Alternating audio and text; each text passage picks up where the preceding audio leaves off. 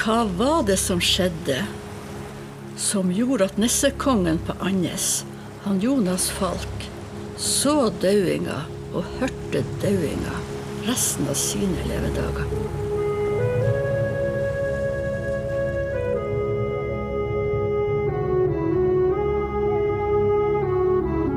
Ja, Rigmor. Nesten alle mannfolkene i dette fiskeværet ble jo borte. Kan ikke vi gå ned til bautaen på Andernes, eller Andes som vi sier her? Den er jo satt opp til minne om de 30 fiskerne som omkom for 200 år siden. Men jeg lurer på om navnene deres står der? Nei, det gjør det ikke. Se her. Her står navnene på fiskere som omkom på havet etter 1920. Men om dere lyttere hører på Fiskeribølgen, podkasten vår, så får dere vite navnene på iallfall noen av dem. For i første episode fordyper Og Rigmor Anna Dava. og Åshild Eliassen oss i en dag. 6. februar 1821. Den såkalte manndreperdagen. For aldri før har det omkommet så mange fiskere på en gang utfor Andernes, selv om det var ganske vanlig å omkomme på havet den gangen. Det kan han Odd Pettersen fra Fiskenes bekrefte. Han blogger jo lokalhistorie. Når det gjelder omkomne på sjøen utenfor Andøya, så eh, var det jo vanlig å omkomme på havet i gamle dager. Det var en helt naturlig dødsårsak. Og eh, for noen år siden så eh, samarbeidet jeg med han Elling Jacobsen, og han gikk i kirkebøker og fant fram til register over de som hadde omkommet på sjøen. Det var jo spesielt på vestersida av øya og utfor Andes at det var, det var for is, også inne i Andfjorden, men det var spesielt på yttersida. På 1800-tallet så gikk hver fjerde mann bort på sjøen. Altså hver fjerde fisker gikk bort på sjøen. Denne oversikten viser her at vi har funnet ut at 300 mann har omkommet på sjøen utenfor Andes og utenfor Andøya, men i virkeligheten så er det jo langt langt flere, for at er perioder at det ikke er ført inn i kirkebøkene. Det kan, det kan være kommet bort, og det kan ha ulike årsaker, så har det ikke vært ført inn i kirkebøkene. Og så er det også slik at hvis fiskerne omkom på havet og ikke ble tatt på land, da ble de rett og slett ikke ført inn pga. det at de ikke ble gravlagt. Det er litt spesielt det at de måtte komme i via jord. Ja, vi har jo nevnt storskaden i 1821, som er den aller største, der fem av syv storbåter forliste. Og der det ga nedgangstid her på Andøya. For det, var ikke bare fiskere fra Andes, de kom fra hele øya. Og i 1801 så var det 116 innbyggere på Andes. Og i 1835, altså noen år etter storskaden, så var det folketallet nede i 51. Ja. I min slekt var det også folk som omkom på havet. Det må man vel regne med når hele slekta besto av fiskerfamilier på begge sider. Jeg vet f.eks. at bestefar til mor mi, han Anders Theodor Andreassen, forliste i en fembøring her utfor i 1906. Og han Ingolf Eliassen, bror til han bestefar Helge på farssida, han fikk ei garnila rundt foten og drukna i 1942. Hans navn står forresten på bautaen. Åshild, hvordan så det ut på Andes den gangen? Nå tenker vi oss at vi er i 1821 og står på akkurat samme plass og ser mot havna. Et tyvetalls familier har klumpet seg sammen der storhavet og landjorda møtes. Vi skjønner at det er fiskere som bor der nede. For vi ser mange flere fiskegjeller, flere rorbuer og naust enn hus. Og husene, det er lave nordlandshus med torvtak. Og torv, det er viktig i dette fiskeværet. Det bruker de også til brensel. Og i havna ligger det fembøringer og åtteringer og store jekter som skal seiles til Bergen med tørrfisk. Og i det store huset på Flamberget, der bor Nessekongen, han Jonas Falk. Det er han som eier de fleste båtene. Tenk at han Falk kjøpte ei hel bygd av staten i 1808, nemlig Haugnes, før han kom til Andøya. Og nå lar vi han Ola Bremnes presentere Væreieren i en rykende fersk innspilling av balladen om Jonas Falk.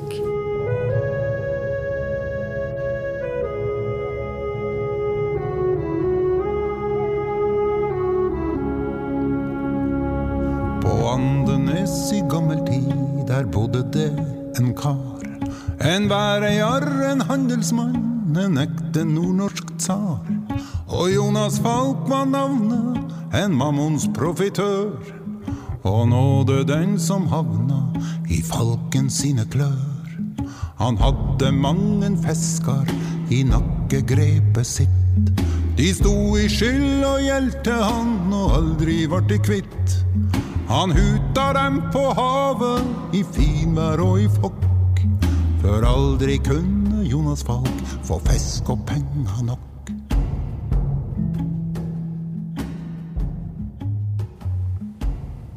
Vi er ennå her på Værbakkene, der kallene har stått i alle år når det var landlegger. Tru hva de snakka om for 200 år sia. Kanskje diskuterte de unionen mellom Norge og Sverige? Ja, kan hende de snakka politikk. Det kom jo også nyheter fra Bergen, med jekten hans Falk. I lag med korn og mel og annet som folk trengte. Men at de snakka om fiske og været, det er i hvert fall sikkert. Og spesielt i dagene før den 6. februar 1821. Det hadde jo vært landleger over ei uke, og han falt ble mer og mer amper over at fiskerne ikke var på havet. Jeg kan tenke meg at de snakka om han Jonas Falk, og om det gode brennevinet som ble servert på gjestgiveriet hans til stramme embetsmenn og handelskarer fra Bergen. Ja, det var stor forskjell på folk. Men så er det det at han Falk ville tjene penger. Så jeg er sikker på at også fiskerne kunne kjøpe seg en dram. Om de så kom i sjøhyre. Og gjerne på krita.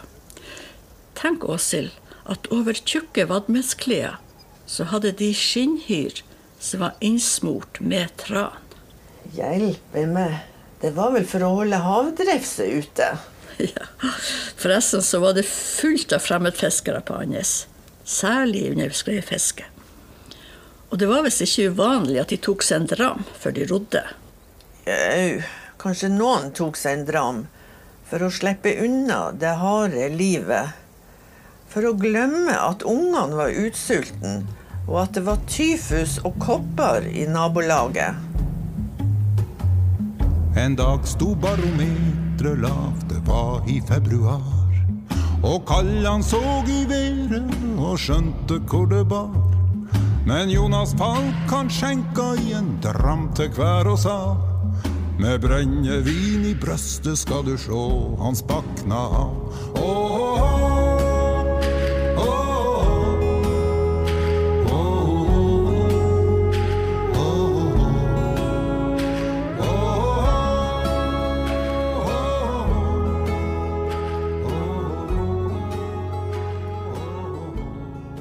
En annen som var sterkt berørt av tragedien utenfor Andes, var forfatter Andreas Markusson. Har du hørt om han, Rigmor? Ja visst har jeg hørt om han Markusson. Han var fra Narvik-området, og han skrev flere bøker fra nordnorsk kystmiljø. Ja, han skrev om hverdagen til fiskerne. Og vi har vært så heldige å få tak i et NRK-opptak fra 1948 av det Markussen skrev om storforliset, Formidla av skuespiller Alf Sommer. Jeg er veldig spent på hvordan det høres ut. Ja, jeg òg. Det blir sikkert en kontrast, i hvert fall, til det han Bjørn Inge Toften leser av teksten hans Finn Myrvang rett etterpå. Væreieren kom inn i bårstua. Han var atskillig blidere. I dag blir det sikkert sjøvær, mente han på. Både høvesmennene og leikaren som lå i vårstua, bare morra. De hadde vært ute og sett i været for lenge siden. Han, Ole Hansa-styrmann mente at han var samme været. Men om så var at han var likere, så, så var det nå vel bare et fjerdus. Væreieren hadde med seg en trekantskage med brennevin. Det fikk nå være det samme med været. En skjenk skulle de nå ha, sa han, og begynte å skjenke av kaggen. Nå var det ikke lenger tvil om sjøvær. Imellom skjenkene var kallene ute og så i været. Og nå var han slett ikke verre, trodde de. Fembøringen sto oppsett. Væreieren numra på at de kanskje kunne sette dem ut og barlaste dem. Ble det ingen utroer, så kunne de jo sette dem opp igjen. Jau, kallene hadde ikke noe imot det. De var jo uthvilt og hadde bøtt opp garnene. Men så skulle det være ei skikkelig utsetterskål, og kaggen gikk rundt. For hver gang kaggen gikk rundt, ble været bedre. Været kunne nå bli hvordan det vil, men jeg skal ro, sa en av fiskene etter å ha tatt noen drammer. Da sto han Jonas Falk og mata opp under og sa ja, hør du den, du, det var mann, det, og tok til å snakke om utror. De var vel ikke slike skite at de ikke rodde i dag, været var da ikke verre. Etter noe om og men sa høvedsmennene da seg villig til utror.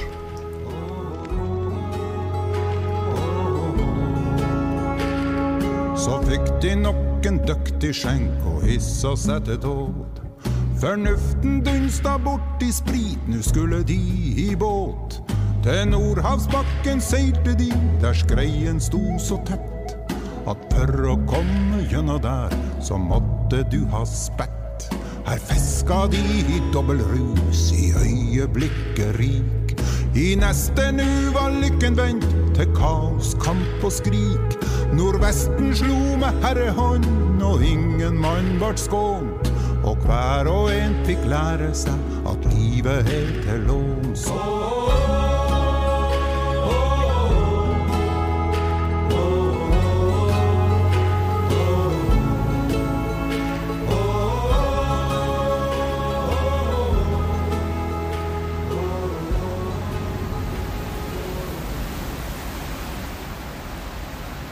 Nå hoveddammen over dem. Han la stadig på med vinden. Kovelingene var så tette at de ikke så kamerat på. Forresten så hadde nok hver nok med sitt. Krappsjøen brøt over båten som over et skjær. Og noen måtte stadig være i ausinga, skulle ikke båten søkke rett under føttene på dem. Og de skulle jo ha inn lenka som var steintunge av all den gamle fisken. De som først fikk inn garnlenka, gikk til seils med fem klør til bords. La videvind og ga seg til å krysse inn fjorden. Det var jo om å komme seg på høgden med Andenes før sørveststormen var over dem. De andre båtene, som vel var blitt hefta, fikk sørvesten så hardt over seg alt mens de drog, at de ikke prøvde kryssing engang, men holdt til havs unna været. Med det samme kjem der ei søye og stryk båten over en høg skall. Skautet går, men det er for seint. I neste øyeblikk hører de smellen når han slår inn mot neste skavlan.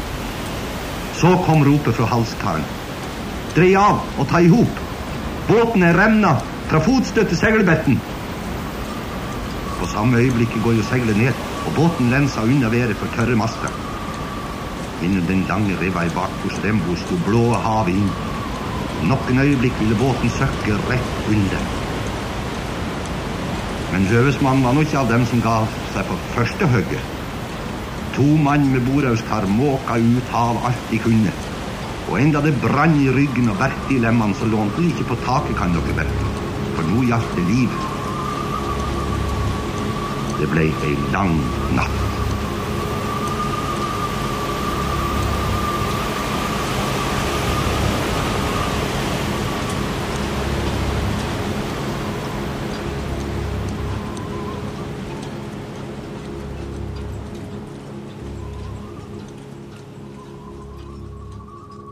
Den båten som han Alf Sommer nettopp fortalte om, kaller vi Stavabåten, siden hele mannskapet var fra Stave eller bodde der. Og nå fortsetter hun Alvhild Norheim og han Bjørn Inge Toften beretninga om Stavabåten og mannskapet. Og de tar også for seg skjebnene til tre av de andre båtene som var på havet den dagen. Båten deres den ble så skada etter medfarten de hadde fått på havet, og også i forbindelse med landinga på Holmen, så mannskapet skjønner ganske fort at de ikke kommer til å komme seg derifra med livet i behold. Denne holmen ligger i nærheten av Sørvær på Finnmarkskysten, og fra Andes til Sørvær er det faktisk 200 sjømil. Det er en ubebodd holme, men det skal ha vært ei gamma der, som noen av mannskapet kommer seg inn i. Men på vinterstid, uten mat og vann, og så utmatta som de allerede var etter strabasene på havet, så er det klart at det er umulig å overleve der. De dør alle fem på denne holmen, og utpå våren samme året ble de funnet av noen som kom utover dit for å rekke egg. De som fant den, de kunne fortelle at båten var remna, og at mannskapet hadde prøvd å reparere den med vadmelstrøyene sine, som de hadde skurret eller revet opp i stremler og forsøkt å tette med. Vi kan jo ikke forestille oss hvordan deres siste reis og hvordan deres siste timer har vært. Og det var jo heller ingen som kom tilbake som kunne fortelle. Det blir selvsagt stor sorg hos familiene på Stave, og også i hele bygda, når de får dette budskapet. Storskaden har resultert i tre enker og åtte farløse unger i denne lille bygda. Og man må jo regne med at flere av disse ungene blir satt bort til slektninger, noe som var helt vanlig på denne tida når noen trengte hjelp. Høvesmannen på stavebåten det var Hans Henrik Bredalen, og han var bare 39 år. Mannskapet var trolig Cornelius Olsen, 42 år, Johannes Ingebrigtsen, 33 år, Jørgen Petter By Heggelund 27 år. Hans Kaurin Heggelund 19 år. Fredrik Rosenkilde 20 år og Henrik Rasmussen 20 år. Alle var fra Stave. Fredriks far var sogneprest Rosenkilde på Dverberg. Jeg heter Åse Marie Pedersen, og jeg er født i 1940. Og de første ti årene av mitt liv bodde vi hos mor og far. Han Peder Hansen, han bestefaren min, og han hadde båt. Og alle mannfolkene i familien var fiskere. Da, mens jeg var unge, så ble det jo diskutert og prata om forskjellige ting som skjedde på havet. Og deriblant hørte jeg om han Falk som skjenkte mannskapene full og sendte dem på havet. Da, så det var så mange som omkom i den store stormen. Både hun Åse Marie, han Bjørn Inge, som dere hørte i stad, og jeg, som heter Alfhild Norheim, er etterkommere av en av de som var med på havet den gangen, nemlig han Jørgen Petter Madsen fra Bleik. Han rodde på en fembøring med han Olhansa som høvedsmann. Og han Olhansa var en av Jonas Falk sine jekteskippere. Og det var han Jonas Falk som eide båten. Jørgen Petter Matsa, som var i slekt med Olhansa, var halsekar. Han var født i Brokvika utenfor Harstad. Han bodde på Bleik og er min direkte ane seks generasjoner tilbake. Han er tippoldefar til min bestefar Daniel Toften. Kona til Jørgen Petter var Martha fra Bleik. De hadde to døtre, samt to sønner. I Olhansa-båten tar de en beslutning om å seile direkte mot Senja for å finne ly. De kjenner jo området veldig godt, og de har vært ute ei vinternatt før, i de 30 årene de har rodd fiske. De finner en holme ved Bergsøyene som de på mirakuløst vis greier å ta seg i land på, uten skader på verken mannskap eller båt. Og for å holde varmen den kvelden og natta blir de beordra av han Olhansa til å bære stein fram og tilbake i fjæra. Og på morgenen dagen etterpå så kommer de til folk på Bergsøyene og får hjelp der. Den tredje dagen etter denne ulykka, på formiddagen, kan folk på Andes se at det kommer en nordlandsbåt seilende inn fra øst. Folk sprenger ned i fjæra med Jonas Falk i spissen for å ta imot denne båten. Og idet fembøringen nærmer seg, så ser de at det er båten til han Olhansa. Det er stor glede blant folk og de som er i fjæra og tar imot, og håpet stiger på Andes om at det kan være flere som har klart å berge seg. Et par dager etterpå så møter han Jørgen Petter, han Jonas Falk, på værbakkene.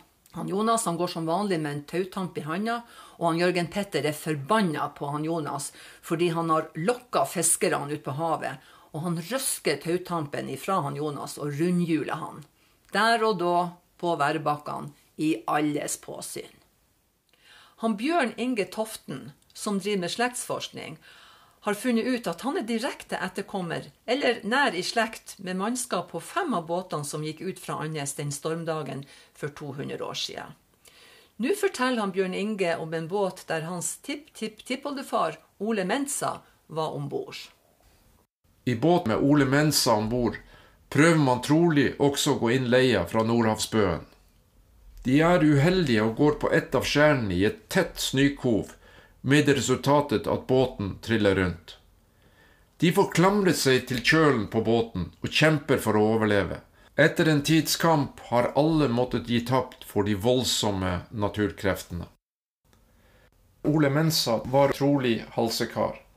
Han var 36 år gammel og er min direkte ane og tippoldefar til min bestefar Bjarne Karoliussen. Ole Bygstad leiet på værbakken, han var født på Skjolde og var gift med Kristianna Andersdatter, som var født i Lovika. Ole og Kristianna hadde en sønn på elleve år, en datter på fem år og en sønn på ett år. Noen måneder etter storskaden må kona til Ole Mensa, Kristianna, ta den tunge avgjørelsen om å flytte med barna.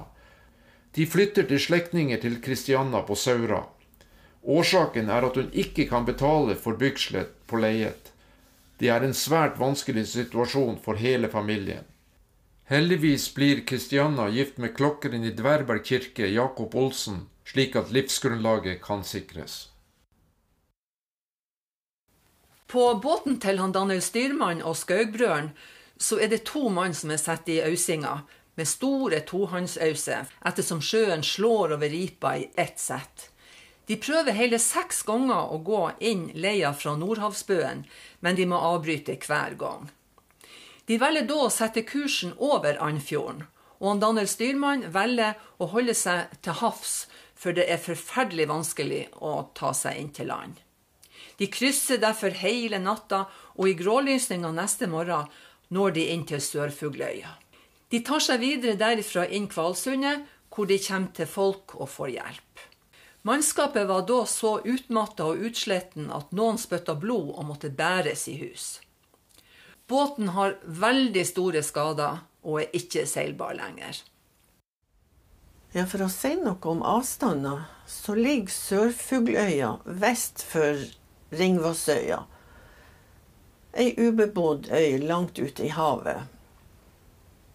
Så da har altså han Daniel Styrmann seila på yttersida av hele Senja og hele Kvaløya, og helt nordvest i Troms fylke, til Sørfugløya.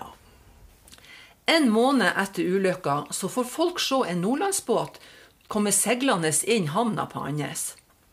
Det viser seg da å være mannskapet til han Daniel Styrmann og Skaugbrødren som kommer tilbake i en lånt båt og de blir selvfølgelig veldig godt mottatt.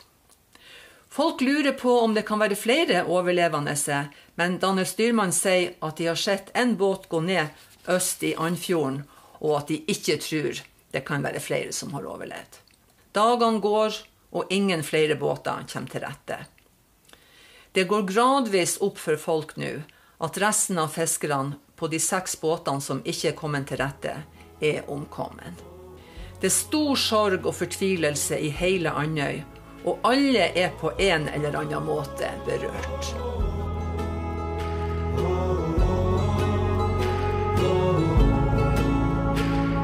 Av flokken ut av 32 fløt bare to i land. De andre fant sin våte grav i havets ville vann. Og presten ute i Andenes tok frem sitt sorte skrud og fikk ei tung og travel tid med mange enkebud. Gjennomsnittsalderen for de døde var 32,7 år. Den yngste var 19 år, den eldste var 52.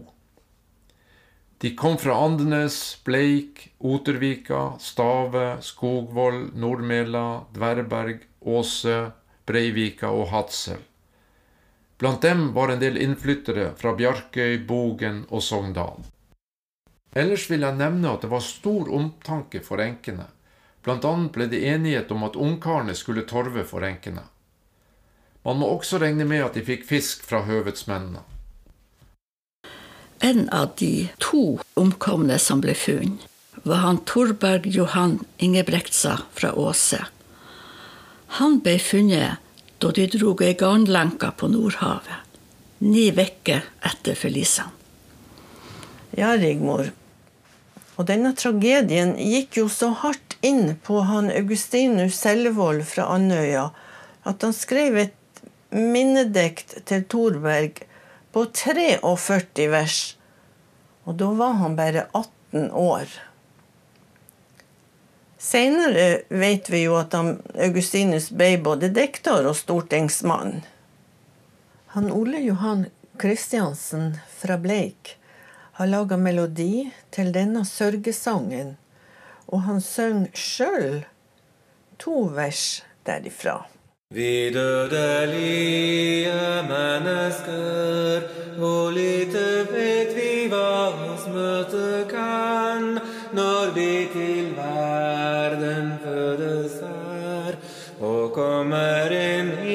dette trengselsland. Den første røst som da man hører får, en gråt som livets ånde skjebnespor. Og vi som kysterne bebor, på vannet streve må for daglig brød, når andre får sitt brød i. Da oftest ett vi er i største nød, i mange farer titt vi settes hen. Og noens hjerter såres sårliken.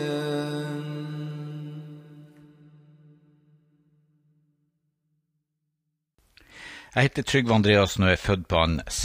Grunnen til at jeg er spurt om å si noe om mennesker og katastrofer i forbindelse med storforliset i 1821, er at jeg har jobba som prest i snart 40 år. Annet som sjømannsprest i Kobe, Japan. Det finnes selvfølgelig mye forskning, mye bearbeidet erfaring, teori rundt dette med katastrofe, men jeg skal prøve generelt å si noe om tre hovedmønster. Noen flykter. Trangen til å komme vekk fra det som trua, er sterk. I tida etter storforliset var det mange som flytta. Folketallet ble jo kraftig redusert med katastrofer, men også andre flytta. I 1835 var det bare 51 som bodde igjen på stedet. Over halvparten er borte. Det andre reaksjonsmønsteret er å stivne. Ikke rart at mange frykta havet og alt det som hadde med det å gjøre. Mange verken kunne eller ville f.eks. lære seg å svømme. En bygde hus der utsikta eller vinduene vendte bort fra havet. Det tredje hovedmønsteret er kamp. Noen av oss møter katastrofer med å mobilisere maksimalt. Det er som en fiende som må beseires. Siden jeg er prest, så vil jeg si litt om lim om det som kan knytte mennesker sammen. I våre dager åpnes kirker, det lages samlinger, det tennes lys, legges blomster ut. Vi har ritualer. Men den gang da, hva var limet da? Jeg tenker at embetskirka på tidlig 1800-tallet var sterkt prega av tiden. Det var nød. Nødårene etter napoleonskrigene er ennå ikke over. Annes hadde en gamle kirka, men ingen prest. Presten på Dverberg ba seg til og med fritatt fra embetet, fordi det var ikke nok å leve av. Det var ikke vanlig ennå med gravsteiner på kirkegårdene. Prestene deltok ikke ved gravferde før etter siste verdenskrig. Jordfestelse ble gjort av en prest en gang på sommeren. På 18-tallet var det gjennomsnittlig to prester i hele Finnmark. Det var gjerne læreren som kunne si eller lese og holdt en tale. Men hva skjedde når en ikke engang hadde lika? Tja, det er ikke godt å si. Var det noen ritualer? Se for deg den situasjonen, et lutfattig fiskevær, som sjøl tøffingen Petter Dass ba til Gud om å bevare han fra dit han er kommet. I løpet av øyeblikk så er livet snudd opp ned. Det som en trodde sto fast, er borte, og en står igjen med noe som er verre enn ingenting. Sorga over sine kjære, fortvilelsen over tap av mat, inntekt, hva står det igjen? Sinne, ja, hat til væreieren. Ja, alt dette og mer tema har vært enorm, og nå kommer det et poeng. Det gjør noe med folket. De kanskje hundre menneskene som var berørt, var fra hele øya. Det er ei grunnfortelling som kommer med det å være øymenneske. Vi er en del av et trassig saltvannsfolk. Jeg tenker at i og med at 30 forsørgere, ektemenn, sønner, ja fagfolk var borte, var det ekstra komplisert. Prosentandelen var så høy at den gode naboen i praksis var borte, og kvinnene sto igjen med et titanisk ansvar både fysisk og emosjonelt. Kanskje søkte folk mer til kirka i tiden etterpå. Vi fikk i alle fall på plass både fyret i 1856 og en ny, fin kirke noen år etter det. Det tyder på en ukuelig optimisme. Det var bare å håpe at det var menneskelige prester som kunne spre livshåp og glede. Det jeg vet, er at alt prat om Guds vilje, at det er skjebnen som rår, eller at det finnes en mening, at det er svada. Det er alt annet enn livshjelp. Det skaper bare frykt. Jeg tenker at 200-årsmarkeringa er viktig. Når du kommer til nordspissen av Andøya, så er det tre ting du får øye på. Først fyret, symbolet på ei trygg havn. Dernest kjerka, symbolet på ei annen havn. Og så midt imellom er det tredje, forliset. Nede på Værbakken i sentrum av Andes står det en stor stein, en bauta, til minne om kreftene som vi mennesker er prisgitt. Jeg ser for meg at det er disse djerve fiskerne. Det er de som er heltene. De er en slags forbilde. Om det nå er den fandenivoldske som rodde ut i 1821 og ikke kom tilbake, eller om det er de som på helt utrolig vis kom tilbake etter lang tid eller for den saks skyld dagens sjarkfisker alene i båten, eller mannskapet på tråleren. Dette er ekspertene på å være i det elementet som mer enn noe preger oss havet.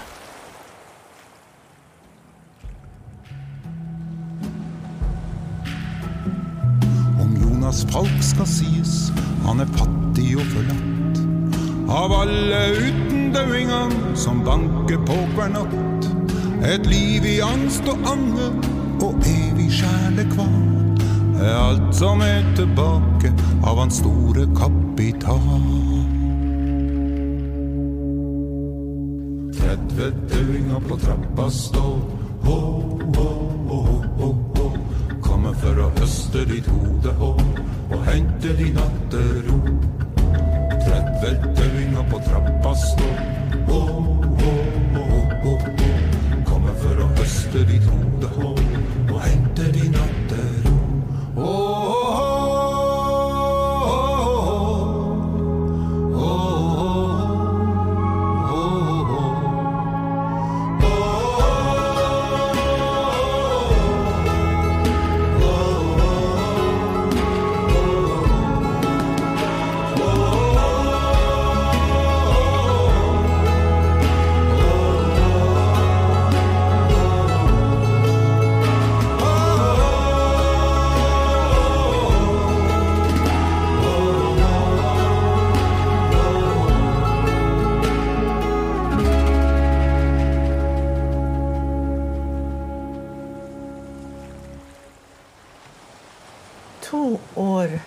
etter tragedien flytta han Jonas Falk fra Andøya. Da var han en plaga mann.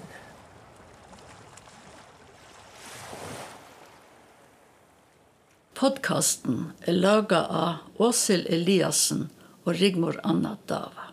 Konsulenter, lyd, Alexander Rydland Hansen og Odd Bakken.